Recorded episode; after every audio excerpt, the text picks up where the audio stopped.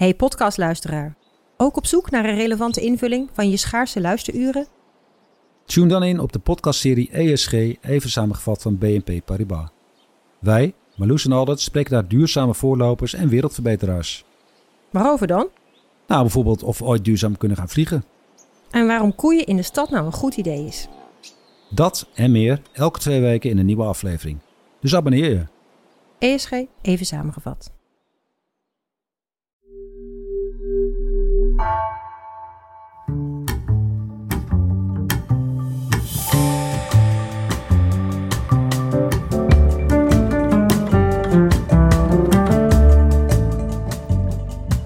Welkom bij Heine en van Teutem.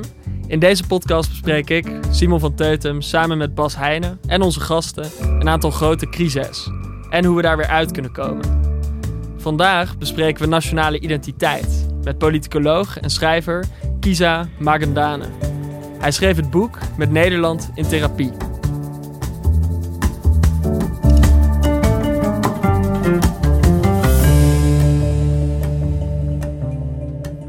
Oekraïne speelt zich op dit moment een humanitaire ramp af. Miljoenen mensen zijn op de vlucht, ontworteld eigenlijk van hun nationale identiteit en op zoek naar een nieuw thuis. Kisa, jij hebt veel geschreven over nationale identiteit. Maar jij bent ook zelf gevlucht in 2007 uit jouw geboorteland Congo.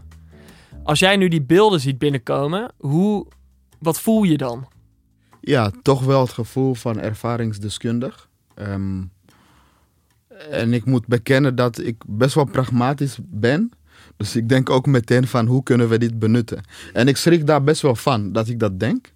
Maar dat, is, dat zijn de initiële... Benutten in welk opzicht? Ja, we hebben gewoon een arbeidstekort hier. En je, je, je, je ziet als het gaat om vluchtelingen, asielzoekers, noem maar op, mig- migranten, dat er te weinig politieke bewustwording is over hoe je dat ook kunt inzetten. Ja. En daarom, ja, in die zin schrik ik van mezelf dat ik zo Nederlands ben geworden. dat ik dan meteen denk van, oh ja, hoe zou, dat, hoe zou dit eh, voor ons eh, goed kunnen uitpakken? Maar in je boek schrijf je heel eh, ja, pregnant over die ervaring hoe het is om in een nieuw land een nieuw leven op te bouwen. Wat je achterlaat, ook de, de ambivalenties. Tegelijkertijd ook wanneer mensen zijn opgesloten, kun je zeggen, in een, in een asielzoekerscentrum, hoe weinig kansen ze krijgen om in die samenleving aan de slag te gaan. En eh, dus eh, dat wordt als je, als je naar deze crisis kijkt, eh, dat wordt een en- enorme operatie. Als daar, ja, dan moet je nog maar zien hoeveel mensen er worden opgenomen in Nederland. Maar het is niet eenvoudig van eh, de arbeidsmarkt gaat open en deze mensen vinden meteen hun plek. Er zitten ook veel Nee, eh, psy- psychologische factoren bij. Ja, er is een psychologische afstand. Ik beschrijf eh, die isolatie in het asielzoekerscentrum, hoe dat op zichzelf een wereld apart was. En mijn poging om dat, die wereld te ontvluchten. Ja, Dat is eigenlijk mijn hele zoektocht vanaf het begin. Hoe zorg ik dat ik een thuis bouw? Maar ook die ambivalentie over tot wanneer ben je een vluchteling? ja, Dat is eigenlijk een centrale, een van de centrale Ja. rode draad in mijn boek, ja. zou je kunnen zeggen. Want ja, ik word nog steeds in sommige kringen gezien als een vluchteling. Maar dan eh, denk ik, nee, eh, ik weet het niet. Misschien ben ik gewoon een eh, schrijver of Ja. een columnist. ja. Het is gewoon een hele ambivalente Ja, ja. verhouding tot mijn verleden. En Kisa, wat was je doel als schrijver met dit boek? Wat wilde je bereiken? Ehm, ik maakte mij oprechte zorgen. Ehm, in de eerste plaats, aanvankelijk dacht ik dat het een ode aan Nederland zou zijn. Eh, omdat ik dacht, ik ben goed opgevangen, ik ben ingeburgerd. En ik zag de zorgen van heel veel witte Nederlanders toen het Zwarte Pieten discussie opkwam.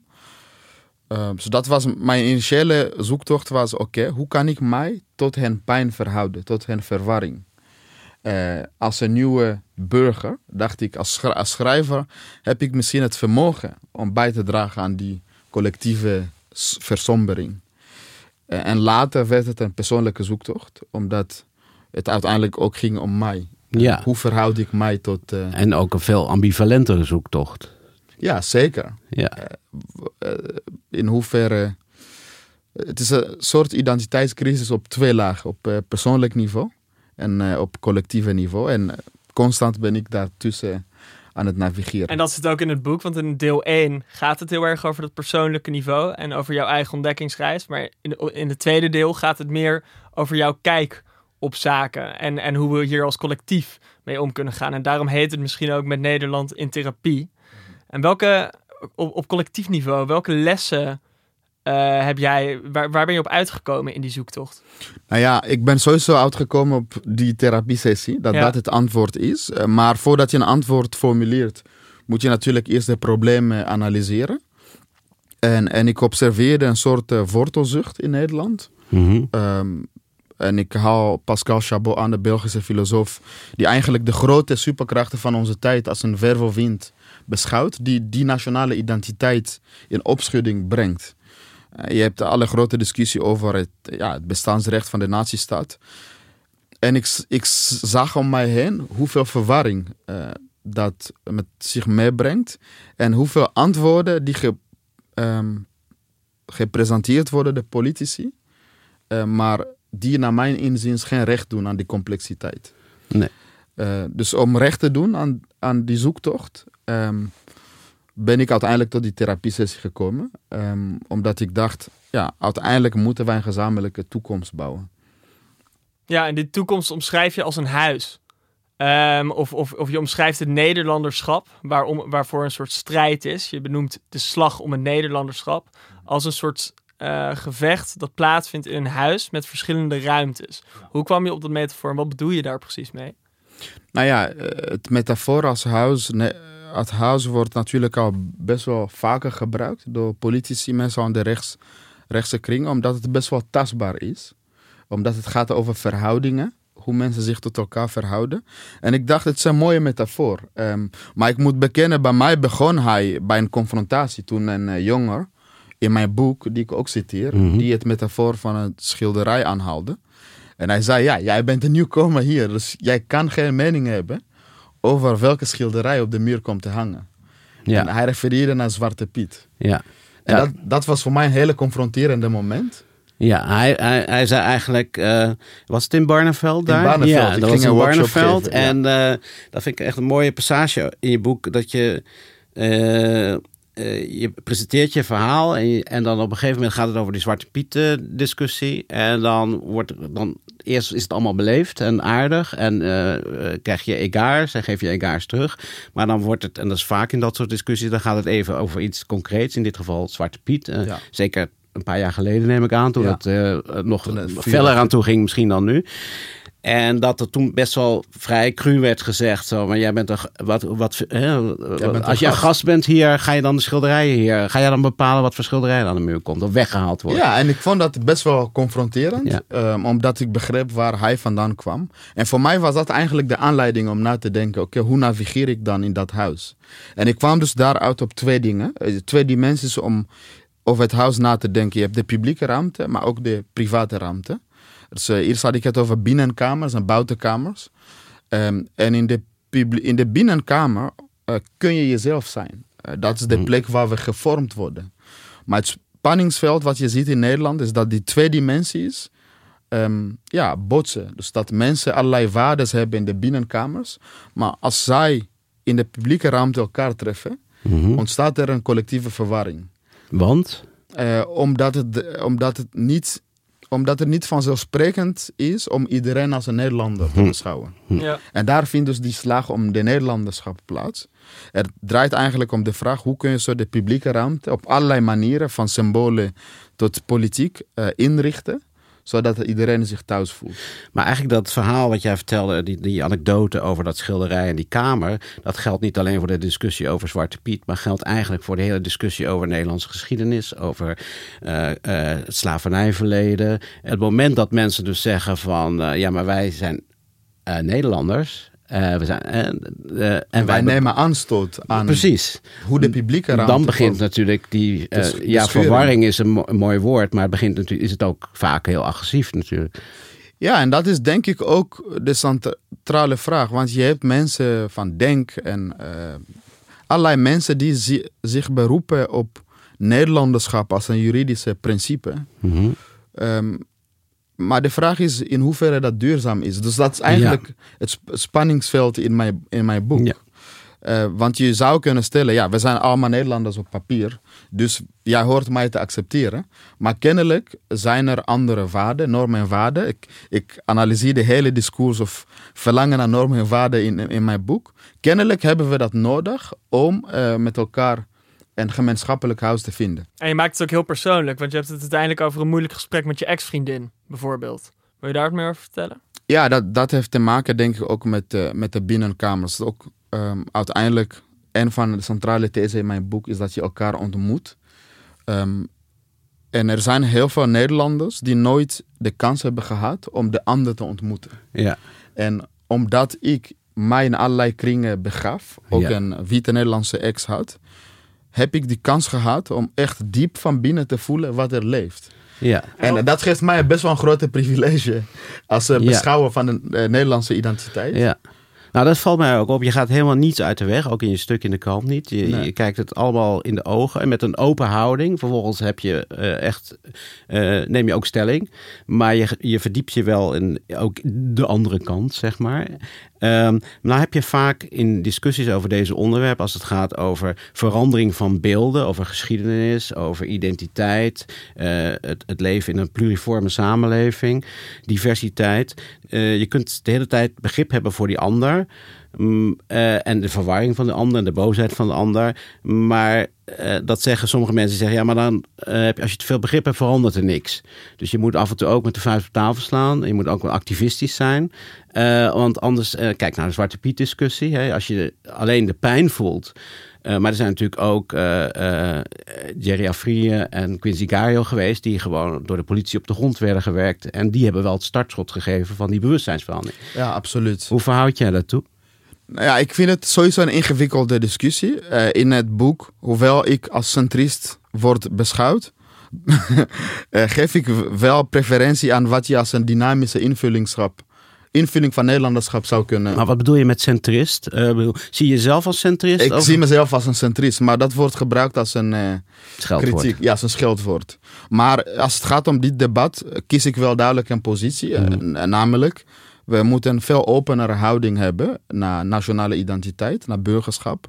Dus symbolen die zijn noodzakelijk, maar die veranderen ook door de tijd. En vooral wees niet blind voor die demografische en culturele transitie ja. uh, van Nederland. En je bedoelt eigenlijk dat mensen hebben om een samenleving te vormen, om een, gemeenschap is een groot woord, maar überhaupt een samenleving, maatschappij, hebben ze een soort bindmiddel nodig. Een, een gemeenschappelijke uh, referentiekader, kan geschiedenis zijn, cultureel. Je beschrijft een paar fantastische voorbeelden in, uh, in je boek. Bijvoorbeeld de eerste keer jouw confrontatie met een Sinterklaas uh, gedicht. Ja. Dan zie je dat het dan, dat, dat echt wortelt in een, in een lange traditie waar mensen die daar zich aan deelnemen eigenlijk niet eens van bewust zijn.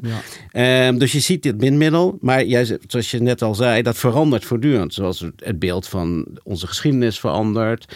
Uh, en het gaat met uh, horten en stoten. Maar je zegt van het is dus wel zo, we hebben dat wel nodig. Ja, ja ik kan mij niet voorstellen dat jij een samenleving vormt alleen maar aan de hand van juridische kaders. Volgens mij maak ik ook een onderscheid tussen dat je een verhaal nodig hebt, maar ook een, na, naast een juridische kader ook een verhaal. En mijn pleidooi is eigenlijk dat je van beide groepen, dus ook als jij kritiek hebt op Zwarte Piet, moet je ook in staat zijn om in te zien dat er bepaalde ja, culturele repertoire zijn in Nederland die voor de meerderheid best wel belangrijk zijn. En andersom is dat voor de dominante groep belangrijk om in te zien um, dat er andere praktijken zijn waar je niet bekend van bent. En de vraag is, hoe ga je dat accommoderen Ja. in de publieke ruimte? Dus enerzijds zeg je, je zegt absoluut niet symbolen zijn triviaal en gooi ze maar uit het ruim. Je zegt ze zijn belangrijk, maar ze zijn wel veranderlijk en dynamisch en dat heeft erkenning nodig. En enerzijds vraagt die erkenning om begrip van mensen en van centristen zoals jijzelf. Uh, en anderzijds kan dus ook soms een hardere activistische inslag instrumenteel zijn om dat doel te bereiken, denk ik. Ja, zeker. En bij dit soort vragen bestaan er geen absolute antwoorden. Uh, ik ben heel kritisch mm. natuurlijk op het communitarisme uh, in het boek. Leg even uit wat dat uh, betekent voor Want, de luisteraars. Uh, burgerschap vanuit een juridische basis is in principe niet voldoende, zoals we net besproken Ja, hebben. ja. Je hebt ook mensen die zeggen, burgerschap gaat ook over actieve, actieve participatie, actief meedoen in, in eh, de samenleving. Je hebt nog een stap verder, en daar behoort onder andere het CDA toe. Eh, maar als, sinds kort eigenlijk bijna het hele politieke spectrum, die zegt, nee, burgerschap gaat ook over emotie. Hm. Eh, jezelf ehm, verbonden kunnen Ja. voelen met de samenleving. Daar is cultuur ook een belangrijk onderdeel daarvan. En dat kan, En men heeft dan over Ja. emotionalisering Ja. van burgerschap. ja, en dat is aan, dat, daar ben je wel kritisch op. Ja, best wel. Maar de vraag is, als je, als je kritisch bent op het communitarisme, wat heb je dan voor in plaats terug? Ja, Als mensen voeten onder de grond vandaan eh, verliezen, ja. ehm, als zij het gevoel hebben dat ze hun wortel eh, verliezen, Mhm. Wat krijgen ze daarvoor in plaats? Ja. Dus ik denk ook dat cosmopolieten zoals ik, want zo Ja. zou ik mezelf beschouwen, daar bewust van moeten zijn. In jouw werk zie je eigenlijk steeds terugkeren. Aan de ene kant eh, je, je geschiedenis, het, het zoeken naar Nederlands burgerschap. En je, hebt, eh, je, je doet dat ook echt vrij radicaal. Je zegt ook van nee, ik wil Nederlander zijn. En daarmee verander je ook door jouw eh, geschiedenis en, en verhaal verander je ook het idee van Nederlanderschap, denk ik. Eh, aan de andere kant ben je ook, je bent ook heel eh argwanend voor etiketten. En dat zijn eigenlijk gereduceerde verhalen. Namelijk, wat je, dat merkte ik in het begin van het gesprek, als het te veel over vluchtelingenschap gaat. Je, bent, je hebt een geschiedenis als vluchteling, maar je wil niet de vluchteling zijn. Eh, en zo is het eigenlijk steeds in je werk. Zie ik en, dat, en dat herken ik zelf ook. Bijvoorbeeld mijn homoseksualiteit. Ja, ik zal nooit ontkennen dat het een rol speelt in je leven. Eh, en je wordt ook eh, op, op zeker op cruciale momenten voel je ook dat, eh, eh, ook al doet iedereen heel pro- eh, progressief enzovoort, dan kom je dat toch af en toe tegen een negatieve eh, belediging of vorm of Ja. uits- vorm van uitsluiting die vaak heel onbewust is. Dat is denk ik peanuts bij, bij jouw verhaal. Dat moet ik er wel even bij zeggen. Nou. maar goed, aan de andere kant wil je ook niet. En dat heb ik zelf heel sterk. Dat ik, me- ik wil niet samenvatten met een etiket. Met, dus zowel niet gezien worden door mensen als een, met een etiket. Maar ook niet mezelf afficheren als één eh, Hmm. identiteit die vaststaat vanaf het begin. En dat herken ik eh, in jouw werk. Maar ik weet niet of je het ermee eens bent. Nee, ik, ik hoop dat wat je nu zegt eh, deze podcast haalt. Want ik ben daar heel blij mee dat je dit inziet. Want het, het is een paradoxale verhouding tot mijn verleden, tot mijn lichaam. Ehm, ik zie mezelf een primair als een schrijver, als een denker. Maar ik wil niet blind zijn voor Ja, de ja. sociale werkelijkheid. En als het gaat om Nederlanderschap, denk ik dat die houding iets moois met zich meebrengt. Ik ben mij daarvan bewust. Ehm, daarom ehm, gebruik ik dat heel voorzichtig en heel instrumenteel. Omdat ik, ik ben eigenlijk, zou je kunnen stellen, de belichaming van Mhm. wat ik betoog in dit boek. Hm, ja. Ehm, dus aan de ene kant wel met de rug eh, naar het verleden, maar wel eh, bl- eh, blijven kijken naar de toekomst. En dat is een hele, hele lastige zoektocht, waar ik zelf ehm, geen absolute antwoorden voor heb. Maar ik moet zeggen, ik ben wel emotioneel betrokken bij dit soort onderwerpen. ja. Juist, en ik denk dat heel veel lezers dat ook voelen. En ik bepleit dat ook, dat we de ruimte moeten creëren om met onze eigen verhalen, eh, referentiekaders, na te, na te denken, te dromen over eh, hoe we die gezamenlijke toekomst kunnen bouwen. Zie je dingen veranderen? Zie je verbetering of verslechtering? Ik, ik begeef mij in een bubbel die heel veel vooruitgang ziet. Als je kijkt hoe musea nadenken over decolonisatie, kranten die diverser worden. Eh, maar ik zie ook een tegenbeweging. Maar misschien is dat inherent.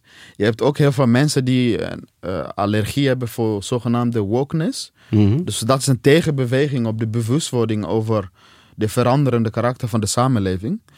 En wat ik dus lastig daarin vind, is dat er soms hele goedkope cosmetische oplossingen worden geboden. Ehm, als, als je nadenkt over Mhm. diversiteit, dan word Kun je je een dan, voorbeeld geven? nou, dan word je voor een panel uitgenodigd omdat je zwart bent en dat Ja. expliciet aanhoort. Of eh, dat mensen pleiten voor eh, dat je anoniem moet solliciteren. Het is allemaal goed bedoeld. Mhm. Ehm, maar het zijn hele complexe vraagstukken die volgens mij op twee manieren beantwoord moeten worden. Inderdaad, korte, middellange termijn interventies. En je ziet dat media dat heel goed doen. Maar vooral ook de ruimte eh, behouden voor verbeelding. Ja. Volgens mij ook een van de pleidooi in het boek. Ja, en in, de, in die tegenbeweging waar je het over hebt, ook tegen wokeness, speelt natuurlijk niet alleen ehm, de ontworteling van eigen nationale identiteit een rol, maar wijst veel academische literatuur er vooral ook op dat factoren als eh, economische achteruitgang of het verdwijnen van sociaal-culturele ontmoetingsplaatsen eh, soms ook geprojecteerd wordt op dit vraagstuk. Er is een heel interessant onderzoek vorig jaar uitgekomen. Dat keek naar gemeenschapspubs in Engeland. Die verdwenen op bepaalde plekken. En, en, en de steun voor radicaal rechts op die plekken. En, en wat blijkt, als je, ook als je controleert voor economische achteruitgang en voor eh, de aankomst of de groei van het aantal immigranten of niet-westerse immigranten, dan zag je dat de plekken waar die, sociaal, als- die sociaal-culturele ontmoetingsplaatsen het meest verdwenen en wegtrokken, daar nam de steun voor radicaal rechts toe. Ja. En ik ben heel benieuwd, ehm, in hoeverre denk je dat dat ook een belangrijke rol speelt in de afgunst of in de tegenreactie op het, ehm, nou ja, jij zei op het woke denken, maar überhaupt binnen deze discussie. Ja, kijk, ik ben natuurlijk voorzichtig om hier iets te zeggen. Ik kan van alles vinden, maar ik ken de data niet. Ja, Ik ken, het, ik ken wel de discussie, maar ik, ik ben altijd huiverig voor valse tegenstellingen. Want zowel economische deprivatie en culturele ja, eh, identiteit, die kunnen samengaan. Mm. Ehm, dat zou denk ik mijn antwoord zijn. Je ziet dat in het debat de, de, de, het, de hang naar het is, het is, het is economie, dummy. Of het is cultuur. Maar ja, de realiteit... is althans- multidimensionaal. ja, dat, dat, zou ik, dat zou ik zeggen. Maar wat wel zo is, en dat is wel een serieuze punt om over te reflecteren, is bijvoorbeeld zijn proces zoals secularisatie. Ja, Ehm, vroeger was de kerk, en we hadden gewoon een brede maatschappelijk middenveld. Voor beide kerken, een hele brede verenigingsleven eh, in Nederland. En je ziet het aantal leden afnemen. En we kregen daarvoor in plaats individualisering. Met een best wel een grote fixatie op de ik. Jullie hebben ook een eh, eh, aflevering met Kees eh Zwijstra? Zwijstra daarover gehad. Wat ook in ik mijn boek bespreek. Ja, dat is wel een zorgelijke ontwikkeling. Dus als jij de ik centraal gaat stellen, ja, moet je wel iets creëren wat mensen bindt. Want Ja. anders gaan, gaan politieke ondernemers, zoals Baudet, Wilders, noem maar op, ja, een alternatieve verhaal vertellen Ja. die eh, misschien zelfs heel gevaarlijk is voor collectieve identiteit. En Bas, hoe zie jij dit eigenlijk in Parijs? Want jij woont daar nu al een aantal jaar. En eh, we hebben het over individualisering in Nederland en ontkerkelijking en het communitarisme hier. Nou, identiteit, hè, dat is natuurlijk toch Dat de, discussie. En identiteit is volgens mij, eh, en identiteitspolitiek, dat zijn de woorden die steeds vallen, die vind je natuurlijk heel eh, sterk in, in Frankrijk, maar ook in, in Nederland. En in Nederland was men daarvoor, hiervoor eigenlijk nooit zo bezig. Als je het over de Nederlandse identiteit had in, toen ik opgroeide, dan keek iedereen je echt zo aan. Waar heb je het over? Dus die, al die symbolen van nationale trots en eh, hoe heet zeevaarthelden en dat soort dingen, die zijn eigenlijk een soort reinvented. Want die leefde daarvoor alleen maar in een soort, dat was een beetje weggeëpt in- sinds de jaren zestig. Dus dat idee, in Frankrijk is dat idee van nationale identiteit en laïcité en de kerk die strijd tussen de, je bent een burger. ehm, als je, eh, eh, als je Frans bent. En dan maakt het eigenlijk niet uit of je op Sint Maarten woont. Want dat is ook een deel van Frankrijk. Is ook gemeente van Frankrijk. Kleur doet er niet toe. Geloof doet er niet toe. Afkomst doet er niet toe. Enzovoort. Dat is het idee van die laïcité. En daar zit dat spanningsveld wat natuurlijk ook in Nederland is. Dat is natuurlijk gewoon niet waar in de praktijk. Ehm, dus je hebt als ideaal is het ik vind het een mooi ideaal. Dat is gewoon, hè, je bent een burger en, en de rest doet er niet toe. Maar zo zitten mensen niet in elkaar. En die spanning zie ik ook wel eh, in jouw werk. De, het meest lachwekkende wat eh, eh, in, in de ogen van progressieve mensen, wat mensen nu kunnen zeggen, is: Ik zie geen kleur. Dan begint iedereen heel hard te lachen. Want. Het gaat erom dat er heel veel van die verhalen, waarvan men, mensen denken dat ze eh, niet racistisch zijn, dat ze aan de goede kant van de geschiedenis staan, dat ze progressief zijn, dat er heel veel beelden toch uiteindelijk, die, die mensen zelf vaak helemaal niet zien, en dat is natuurlijk die hele discussie waar ook een deel van uitmaakt, dat mensen toch wel heel erg handelen volgens bepaalde vooroordelen, volgens bepaalde eh, eh, ja, eh, oordelen die ze, waarvan ze niet eens weten dat ze ze hebben. En die beschrijf jij ook in je boek, dat je het eigenlijk steeds tegenkomt. En ik, ik neem aan dat je ervaringen genoeg hebt. In de principe staat iedereen geweldig aan de goede kant, maar uiteindelijk in zijn gedrag, in zijn manier van kijken en, en daardoor handelen niet. En daardoor zie je dat plekken. Eh, in de samenleving dat iedereen denkt, nou, we hebben het toch goed geregeld. Hè? Zowel voor de wet, we hebben het toch geregeld, maar ook in, in overtuiging. En Ja. ik denk dat heel veel van die bewegingen, daar schrijf je ook vaak over, Ja. voortkomen uit het idee van, ja, jullie denken dat het allemaal zo, eh, dat jullie allemaal zo goed bezig zijn, maar kijk nou even, er is gewoon eh, institutioneel racisme, dat soort dingen. Ja. En dan wordt iedereen boos, want die denkt, ja, of iedereen, maar heel veel mensen worden boos en die zeggen, ja, maar ik, bedoel het toch goed of ik sta toch aan de goede kant. Ja, en hoe voer je dat gesprek op een goede manier? Ja, nou, Want, dat is de hamvraag. Ja, want ik doe bijna, eh, je zou het bijna, eh, eh, bijna, ja, toch gewoon psychologische analyse van Nederland. Als ik zeg dat we onderliggende emoties in de samenleving moeten doorgronden. voorbij al die lelijke reacties. En ik heb het over culturalisme en racisme als krachten die er kunnen voor zorgen dat mensen ontsporen. Eh, maar ook, je hebt ook antiracisten die eh, volledig kunnen ontsporen. Eh, ik beschrijf in mijn boek een episode waar ik mij oprecht onveilig voelde. Hm. Eh, door een activist die het had verwijt naar mij dat ik witte mensen humaniseerde. Ja, En ik, ik vind dat dat type denken, dat politiek, politieke discussies die misschien valide zijn, geprojecteerd worden op die persoonlijke ervaring, eh, dat is heel zorgelijk. ja. In mijn boek heb ik dan ook over dat hekjesdenken. Ja. En de, het is een neiging om de ander eigenlijk uit te sluiten, puur omdat hij anders denkt of omdat hij anders uitziet. En dat komt van twee kanten, zeg je ook. Maar je hebt ook wel eens het idee gehad dat je ontmoedigd bent door, eh, of dat mensen je probeerden te ontmoedigen. Mensen die zelf nieuwkomer waren of zelf een migratieachtergrond hadden, maar die cynisch waren over de vraag of je ooit überhaupt echt deel van Nederland zou kunnen worden. Ja, en ik begrijp waar het cynisme vandaan ja, komt. dat lijkt me ook wel in die zin een legitieme eh, emotie. Concern, ja. Ja, en de- maar daarom ben ik soms ongrijpbaar. En toch heb ik een andere referentiekader. Mhm. Over bepaalde talenten, waardoor ik luister naar wat je zegt. Maar ja, ik heb een bepaalde visie. Eh, ik heb een bepaalde ervaring met Nederland. En ik ga degelijk eh, een schrijver worden of bijdragen aan het maatschappelijk debat. En ehm, om dat hekjes denken te doorbreken, ehm, dat is dus mijn pleidooi. En de vraag is, hoe realistisch is dat? Zou je eigenlijk een collectieve therapie moeten doen? Maar dan pleit je eigenlijk voor emotie in het publieke debat. Ja, Maar is die, eh, is, dat die, is die therapie niet eigenlijk gaande? En die gaat dan gepaard met eh, ook boosheid en ook agressie. En, eh, maar het is natuurlijk ook zo. Eh, en dat denk ik dat iedereen dat kent, dat je soms enorm kwaad wordt. En dan is die emotie heel, eh, die lijkt even heel bepalend. En maar drie jaar later, kijk naar het Zwarte Piet debat. Hè? Wij- wij- ik, eh, ik, ik was ook door de pandemie en ik, ik, was, ik was ook niet in Nederland. Maar volgens mij is het, liep het veel minder hoog op dit jaar dan het, het vorige, voorgaande jaar. Dat is, vind ik toch wel een mooi voorbeeld hoe dingen verschuiven. Eh, en natuurlijk zijn er nog genoeg mensen die nog eh, boos worden, dit en dat. Maar je ziet wel verandering plaatsvinden. Dus eh, ik denk ook dat we moeten uitkijken dat die, die emoties en die woede en soms de agressie die je dan voelt, of de onveiligheid die je voelt, vaak ook gepaard gaan met een bredere stroom die wel degelijk ook positieve kanten heeft. Ja, wat dat betreft zou je kunnen zeggen dat de media misschien een verantwoordelijke rol heeft gespeeld in het bevorderen van een therapiesessie. ja. Specifiek als het gaat om Zwarte Piet. Want er was kapot gepubliceerd rondom dit onderwerp vanuit meerdere perspectieven. En, ehm, maar daaronder, achter die emoties, ja, is toch dat verlangen naar identiteit.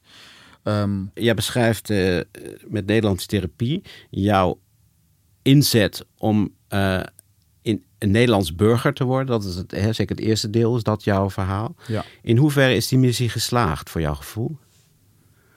Ik ben op papier een Nederlander. Eh, emotioneel, ehm, politiek ben ik ook een Nederlander, gezien mijn politieke engagement. Eh, emotioneel ben ik ehm, dat niet, denk ik. Eh, en dat is ook, denk ik, een deel van Nederlanders ehm, die een gelaagde identiteit hebben, op een meervormige identiteit. Of eh, hoe beschrijf ik dat in mijn boek? Een eh, polygame relatie met Nederland hebben. Ehm, dat is natuurlijk een deel van de realiteit. Dat je mensen hebt die ja, heel makkelijk met meerdere voeten zich kunnen bewegen in allerlei kringen. De vraag is hoe problematisch dat is. Je, je, ziet dat het geproblematiseerd wordt. Maar wat ik lastig vind in het debat, vooral bij links en progressief, is dat er een coherent debat ontbreekt over wat het betekent. Hm. Als iemand bijvoorbeeld in Nederland woont, maar wel in Turkije stemt op een uh, autoritaire leider, maar zelf de consequentie niet ervaart van dat stem. Mhm. Uh, vaker kom je niet verder van, oh het is helemaal geen probleem om een dubbele nationaliteit te hebben. Dat is ook geen probleem, maar wat is onze visie op burgerschap? Uh, dus ik, ik, beschouw mezelf in die zin politiek en uh, juridisch natuurlijk een Nederlander. Maar emotioneel ben ik ook een Congolees. En ik denk dat we een burgerschap, Nederlanderschap zo moeten vormen dat je dus die meerdere perspectieven um, een plek moet geven. Zoals het WRR dat uh, aangaf. Dat we moeten investeren in identificatie met Nederland. In plaats van die eenzijdige focus op uh, identiteit. En de invulling van dat Congolese, uh, van, die, van die emotie als burger van Congo. Denk je daar nog vaak over na? Want je beschrijft in je boek ook een soort schuld voor die je hebt wanneer je, wanneer je vluchtte of nadat je vluchtte. Scha afgunst, zeg. zelfafgunst. Zelfafgunst. Zelfafgunst. Dat is een mooi ja. woord. Zelfafgunst. Wat betekent dat voor jou? Ja, dat de monsters uit mijn verleden mij nog uh, roepen. En zeggen van, jij mag niet bij NRC zitten. Je mag niet bij een VPRO-podcastfeestje, want dat is voor zeven vinkers en ja. niet voor mensen zoals jij. Uh, maar ik verhoud mezelf tot mijn verleden. Het, het, is, het wordt een probleem als je dat gaat ontkennen. Mm. Uh, maar de vraag is, hoe doe je dat op een gezonde manier, zonder dat je blind wordt voor je eigen werkelijkheid. Ja. Um, dus het, het is voor mezelf... Uh, maar dat proeft de lezer ook in mijn boek. Het is constant zoeken. Ja. En dat is tegelijkertijd ook mijn, mijn betoog, dat we geen absolute antwoorden hebben. Over die identiteit, hè, wat je eigenlijk bepleit, en dat ik denk dat mensen in, in theorie daar eigenlijk voor zijn. Uh, de, de cliché op avondjes als het over identiteit ging vroeger was altijd: oh, je hebt meerdere identiteiten. En als ik als Europeaan in Amerika kom, voel ik me opeens veel meer Europeaan dan daarvoor.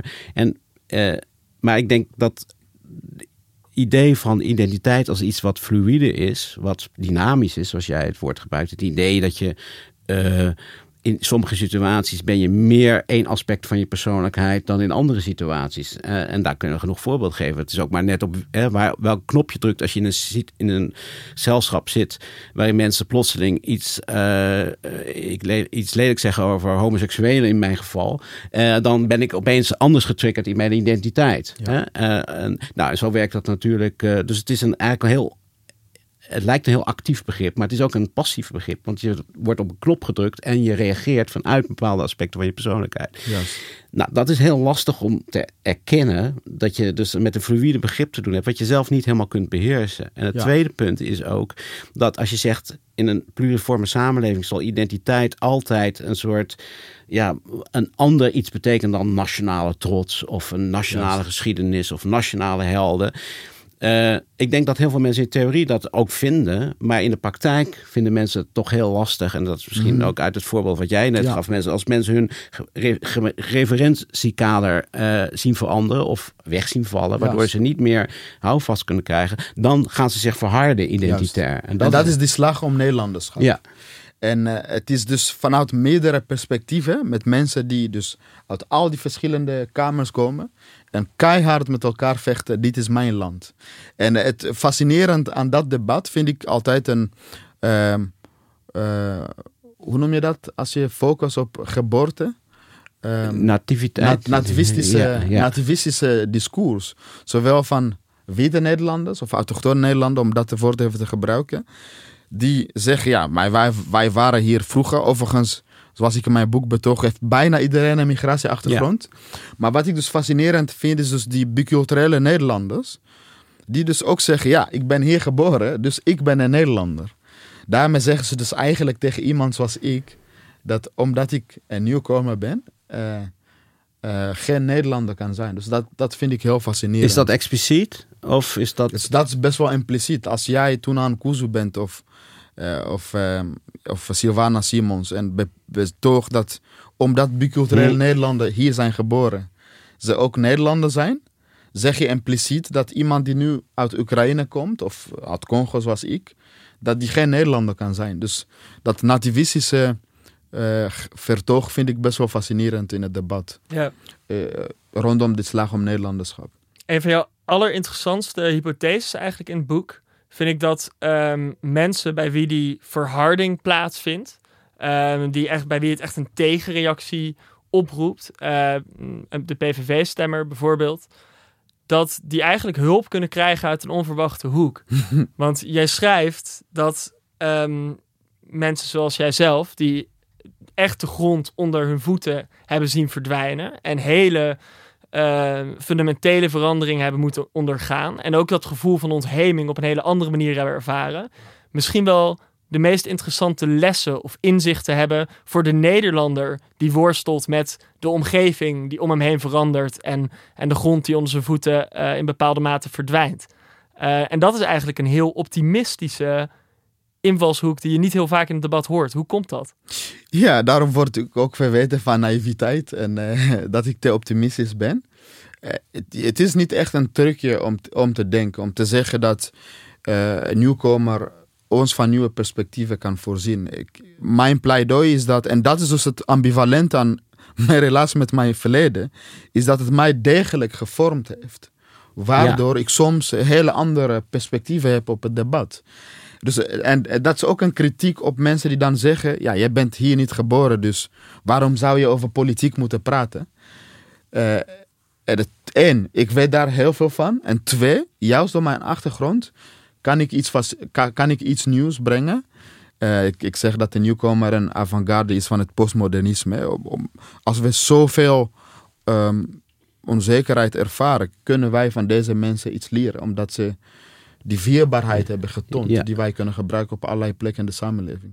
het is geen ontmaskering, maar je onthult eigenlijk dat, dat eh, en dat beschrijf je ook in het begin. Het is natuurlijk een samenleving eh, met al zijn gebruiken, zijn tradities, is op een bepaalde manier geconstrueerd Ja. en gemaakt. Ja. Het feit dat het een constructie is, betekent niet dat het niet echt is, want het is heel reëel. Juist. Maar het is ook veranderlijk. Het staat niet vast in de geschiedenis van, nou, eh, het is geen statisch gegeven. Het is bedacht door mensen eh, over de, in de loop van, eh, van eeuwen en gegroeid en, en, en uitgegroeid. Maar het kan natuurlijk ook veranderen. En jouw blik is aan de ene kant is het een soort deconstructie. Ja. Dus je laat zien hoe het werkt. Aan de andere kant ben je voortdurend bezig te herconstrueren. Eh, een nieuw eh, samenleving eh, idee te geven. Of hoe mensen zich moeten verhouden tot elkaar. Dus het is niet alleen maar deconstructie. Want dan blijf je toch met Nee, lege dat, dat, kan, je- dat kan iedereen doen. En daarom wordt mijn boek ook als een liefdesverklaring van Nederland gezien. ja, maar, Om- maar, het om- voor, omdat ik daar oprecht mijn best voor doe. maar voor mensen die juist die op, heel erg in die deconstructie, het blootleggen van structuren, machtsstructuren enzovoort zijn. Jij eh, herkent dat allemaal wel. ja. Want in die zin eh, ken je je literatuur eh, heel goed. En, en, en Foucault, en, die haal je ook aan. Aan de andere kant is het voor jou niet genoeg. ja, en dat is dus het gekke. Want waarom een boek over Nederland? Eh, Ja, ja. Want als in Nederland een constructie is, wat ik dus Ja, ook waarom heb zou- ja, betoog. ja. Waarom zou je dan toch over Nederlanden? En, en dan- laat ja, het is toch een bepaalde loodverbondenheid. ja. Het is heel leuk en aardig dat alles een constructie is. Maar tot een zekere hoogte moet je belasting, moet je belasting betalen. Moet je jezelf gedragen te- tegenover jouw buurman die een andere huidskleur heeft. Dus wij zijn door het lood tot elkaar veroordeeld. Daarom moeten wij nadenken hoe we die gezamenlijke toekomst gaan bouwen. En in dat proces eh, bevind ik mij dus in een spagaat eh, Ja. tussen mijn lotgenoten. Dat zijn dus eh, eigenlijk de PVV-stemmers, die net als ik die ontworteling ervaart. Maar ik heb dus die ontworteling al meegemaakt. Maar ook met bij mijn bondgenoten. Ja, Dus dat zijn correspondentlezers en VPRO-leden. ja. Die, ehm, die, die denken, oh ja, die kiezer, die, die gunnen wij wel een, een, een plek in Nederland. Maar ik ervaar helaas, en het is niet overdreven, je, je kan dit ook in cijfers eh, z- illustreren, dat er een hele grote afstand is tussen die diverse belevingswereld. ja. En eh, in die zin zou je kunnen stellen dat ik eh, ja, niet alleen een wandelende, hoe noem je dat? genoemd? Deconstructiemachine. De, de constructiemachine, of een, misschien ook een therapeut. Ja. zou je kunnen zeggen. Iemand die oprecht, het is echt een oprechte poging om te begrijpen wat, wat de ander voelt. Ehm, wat diverse gemeenschappen voelen. En ik haal dan Tanja Yatnanansi in het boek aan met haar leefmethode. Dat je dus moet luisteren, empathie tonen en feedback geven. En ik vraag mij af hoe je dat kan toepassen in, in het dagelijkse eh, gesprek over eh, burgerschap en identiteit. Zoals iedereen die zich eh, zoveel, in, zoveel, in zoveel media uit, heb je natuurlijk ook critici, neem ik aan. Wat is een belangrijkste punt? Wat wordt je het meest verweten? Ja, het is tegelijkertijd de kracht van mijn boek. En dat is dat verbindend, dat Mhm. zoeken. Maar ik heb eh, eh, op Goodreads iemand die zei dat het, het boek te centristisch was. Eh, dat het ja, te, veel op, te veel in het midden. Oh ja, ja. Dat tot nu toe de grootste kritiek. In plaats van activistischer, dus Ja, of harder. Het redelijke midden, hè? dat is het scheldwoord. Ja, maar de grap is dat er heel veel boeken zijn die één specifieke kant belichten van beide of Ja. allerlei kanten. En eh, ja, ik denk dat de, ja, dat de recensie toch zeggen dat dit boek dat probeert te overstijgen. Ik, ik heb ook geen zin om in één kant te zitten als schrijver of denker. Eh, maar er zijn ook haters. Eh, maar dat is inherent als aan een jonge eh, zwarte schrijver die, ja, die eh, zijn autonomie claimt eh, en niet zich wil conformeren aan bepaalde groepen, wat voor groepen dan ook. Ehm, dus dat is. eh, maar dat, dat, dat telt eigenlijk niet. Ja. Het is meestal een teken dat je iets goed doet. Ja. In, eh, in, eh, in, eh, in de Groene, in het essay in de Groene, wat ook in een bundel verschijnt van de VPRO uitgegeven. daar heb je eigenlijk een soort utopisch eh, vergezicht eh, geschetst. En dat, dat, dat, eh, dat doe je in de vorm van een, eh, brief aan een tot nu toe imaginaire dochter. Ja. Eh, en je bent, daar ben je. dat is wel een thema. je- Hoe zie je je toekomst? Hè? En, en je beschrijft eigenlijk een, een wereld waarin, ehm, laten we zeggen, eh, in dit geval die raciale constructies, hè, want dat, dat, dat, dat zijn het, dat die eigenlijk worden opgeheven. Ja. Eh, is dat een, een levend ideaal voor jou? Eh, dat je, denk Ja, elk- zeker. ja. Ja, je zei het ook net dat het bijna taboe is om te zeggen dat je geen kleur ziet. Mhm. Voor mij is dat een ideaal. Het is Mm. niet echt een het is echt misschien een utopie, maar wel een ideaal waar we naartoe kunnen werken. Ehm, ik, ik, ik kan niet tegen cynisme. Mhm. Eh, want er is raciaal onrecht in onze samenleving, maar dat betekent niet dat we kunnen dromen. Ehm, en eh, het is misschien mijn volgende project. eh, een boek. Het wordt denk ik een boek waar ik mezelf ook ga uitdagen. Dus niet alleen maar theorie en vanuit mezelf reflecteren, maar ook met andere mensen praten. Dus ik wil met moeders praten over opvoeding, met schrijvers en kunstenaars over verbeelding. Eh, met reizigers. Jullie hebben misschien kunnen zien hoe midden in de oorlog ehm, zwarte mensen in Oekraïne geweerd Ja. worden om te reizen. En je hebt dus je hebt mensen die blind zijn voor dat soort uitsluitingen en zeggen van het boeit mij niet, ik wil reizen. Ja, die me- met die mensen wil ik praten. Dus ondanks de beperking van jouw lichaam, toch een geweldig kunstenaar kunnen zijn. En een goede moeder kunnen zijn. En een geliefde en, en een reizigers. Zo wil ik mezelf eigenlijk voeden om Ja. al die hokjes die wij Precies. heilig Al verklaren. die etiketten eigenlijk ontmaskeren. los te weken. Ja. Ja, en het, en het is heel gevoelig, omdat, omdat men dan veronderstelt dat je ja, de realiteit ontkent. Juist, ja. Ja. Dat Hey. zal het verwijt zijn. Ja, maar, maar ik moet ook zeggen dat het heeft te maken met een karakter. Zo zat ik over na te denken dat je hebt mensen die verlangen naar een verleden, of eh, heel blind zijn op de- zich focussen op het nu. Maar je hebt ook mensen die bijna als escapisme in de toekomst verliezen. En ik behoor, ben ik bang tot die laatste groep. Ja. En er zijn natuurlijk ook mensen die gewoon boos zijn of die wraak willen. En dat heeft ook wel een, een activist ook tegen mij gezegd. Heel veel mensen, medestanders, willen eh, de, dat de dingen beter worden. Maar er zijn ook mensen die zijn zo boos en ge- gekrenkt. En Ja. eh, ook begrijpelijk. En die willen wraak. Ja, en ik, ik schrijf dus aan mijn ongeboren kind eh, dus de balans tussen eh, strijd. Dat je moet strijden als er onrecht is. Het is eigenlijk een beetje de lijn van mijn denken op die thema. Maar dat tegelijkertijd zelfliefde. Dat je jezelf lief moet hebben. Hm. Eh, ook als het gaat om burgerschap.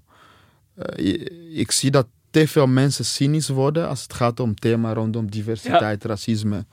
Dat ze soms zichzelf verliezen. Dat je gewoon eh, geen veilige ruimte hebt om je pijn te uiten. Ja, Maar vooral ook te genieten van kunst, van muziek. Mhm. En die die balans, dat is heel lastig. Maar dat is wel een boodschap die ik aan eh, mijn imaginaire kind zou Ja. meegeven. en over die veilige ruimte misschien als laatste. En over eh, je mooie uitspraak dat je niet tegen cynisme kan. Voel ik in je boek soms als je dreigt cynisch te worden... kreeg je soms net dat kleine zetje in de rug van iemand uit je Mm, omgeving. Van ja. een mentor of van een docent. Ja, En als we het op dat persoonlijke niveau terugbrengen... ja. dan is het misschien mooi om te kijken eh, voor beide verharding, dat, eh, hoe groot de impact wel niet is, die we in ons persoonlijke leven kunnen hebben door mensen dat kleine duwtje te geven wanneer ze aan zichzelf twijfelen of dreigen cynistisch Zeker. te worden. En ja, En, en de grap is, en dat weet Bas trouwens ook niet, maar dat, is dat jij dat ooit, en dat weet jij ook niet, maar dat jij dat ook ooit voor mij hebt gedaan. Want toen ik in eh, 2017 voor het eerst een stuk publiceerde, toen eh, hoorde ik van een vriendje van, ja, je moet op Twitter kijken, want dan zijn- maken mensen ruzie erover of zo. Nou, scoor je er allemaal haat. Het was er één tweet van jou en jij zei eh, iets van, eh, Simon is een boy met passie, eh, die gaat er wel komen.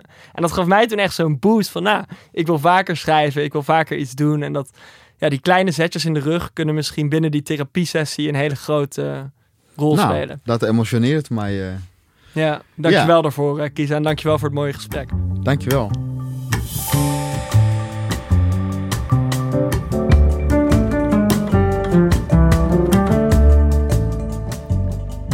Dit was Heine van Teutem. Producer van deze aflevering is Inge Terschuren. Montage en tune werden gedaan door Jeroen Jaspers en Bas van Bin. Luister alle afleveringen van Heine en van Teutem in de NRC Audio app.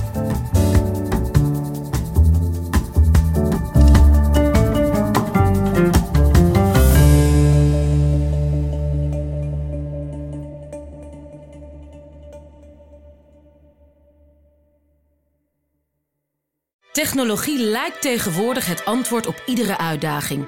Bij PwC zien we dit anders. Als we de potentie van technologie willen benutten, kunnen we niet zonder een menselijk perspectief. Human-led, tech-powered noemen we dat. Ga naar pwc.nl.